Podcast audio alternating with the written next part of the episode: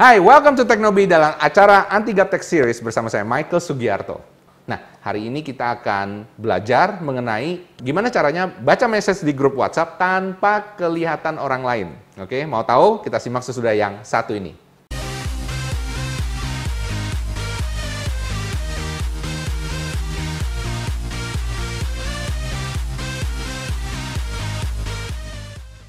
Hai, welcome back to Teknobi Anti Gaptek Series. Nah, di dalam episode kali ini kita akan berbicara gimana caranya Anda masuk ke grup WhatsApp tapi tanpa kelihatan bahwa Anda sudah baca message-nya. Asik banget bukan? Oke. Nah, tapi sebelum itu jangan lupa ya untuk subscribe dulu, klik loncengnya. Jadi kalau ada video baru Anda bisa jadi yang pertama langsung melihat dan kemudian juga like video ini dan share kepada teman-teman yang memerlukan. Oke, kita langsung mulai ya. Oke, langsung ambil HP Anda ya, dan langsung juga Anda masuk ke aplikasi WhatsApp, kemudian klik yang paling atas akun ya, jangan klik yang paling bawah, karena yang paling bawah itu help. Klik paling atas akun, kemudian Anda masuk sekarang ke privacy, jangan klik yang paling bawah, karena yang paling bawah itu delete my account, ya hati-hati. Privacy.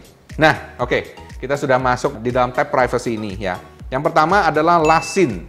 Last scene Anda bisa pilih, kalau saya pilih nobody. Nah, Anda kalau mungkin pernah ngeliat ya, jadi kalau misalnya Anda login, kemudian uh, Anda lihat teman Anda itu last scene-nya kapan ya. Teman itu uh, misalnya dia baru masuk 15 menit lalu atau satu jam lalu itu ketahuan, oke? Okay? Nah kalau Anda nggak mau ketahuan seperti itu, Anda taruh nobody, nggak ada yang bisa lihat, oke? Okay? Atau misalnya my contacts ini artinya adalah orang-orang yang di dalam kontak Anda aja yang bisa ngelihat uh, kapan Anda terakhir login ya, atau everyone itu semuanya. Tapi kalau Anda mau privacy, saran saya taruh aja nobody ya. Oke. Sekarang kita cancel. Kemudian profile foto. Nah, ini juga menarik. Uh, profile foto ini tergantung kalian ya. Kalau kalian sangat privacy, saran saya taruh aja nobody. Nggak ada yang bisa lihat muka Anda. Tapi menurut saya aneh juga sih. Kalau Anda taruh profile foto tapi nggak ada yang bisa lihat. Jadi buat apa taruh profile foto? Mendingan nggak usah sekalian, betul? Oke. Okay?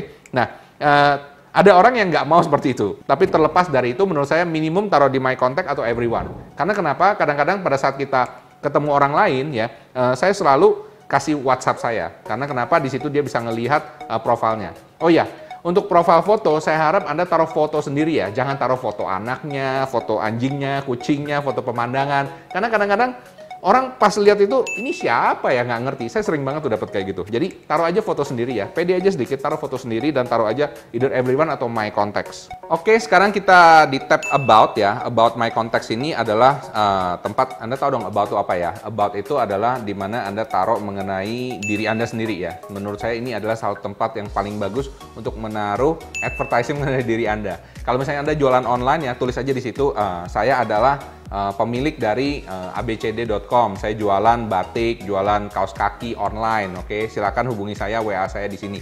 Nah, kedengarannya lucu ya, tapi kalau Anda taruh di situ, percaya atau enggak, ada orang yang baca. Oke. Okay? Nah, di sini tapi kalau Anda mau rahasiakan silahkan ya. Anda bisa taruh juga uh, siapa yang boleh lihat about ini. Boleh everyone semuanya ya uh, yang punya telepon asal dia masukin langsung bisa lihat atau orang-orang yang cuma ada di kontak Anda atau nobody, nggak ada yang bisa lihat. Tapi menurut saya kalau Anda taruh nobody uh, itu kayaknya aneh ya. Padahal ini tempat buat promosi diri Anda sendiri. Jadi minimum menurut saya taruh di my contact. Kalau saya taruh di my contact.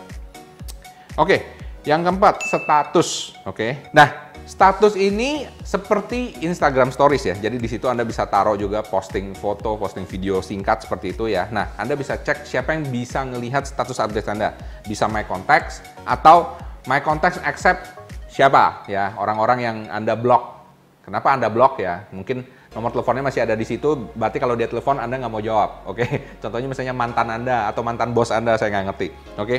Kemudian only share with, Nah, atau misalnya status Anda ini cuma bisa dilihat oleh orang-orang yang Anda paling dekat. Oke, misalnya teman dekat, misalnya keluarga, oke, bisa juga seperti itu. Jadi, karena status ini dia bisa bikin lebih privacy. Menurut saya ini sungguh menarik ya, karena kalau di Instagram kan semua orang bisa lihat.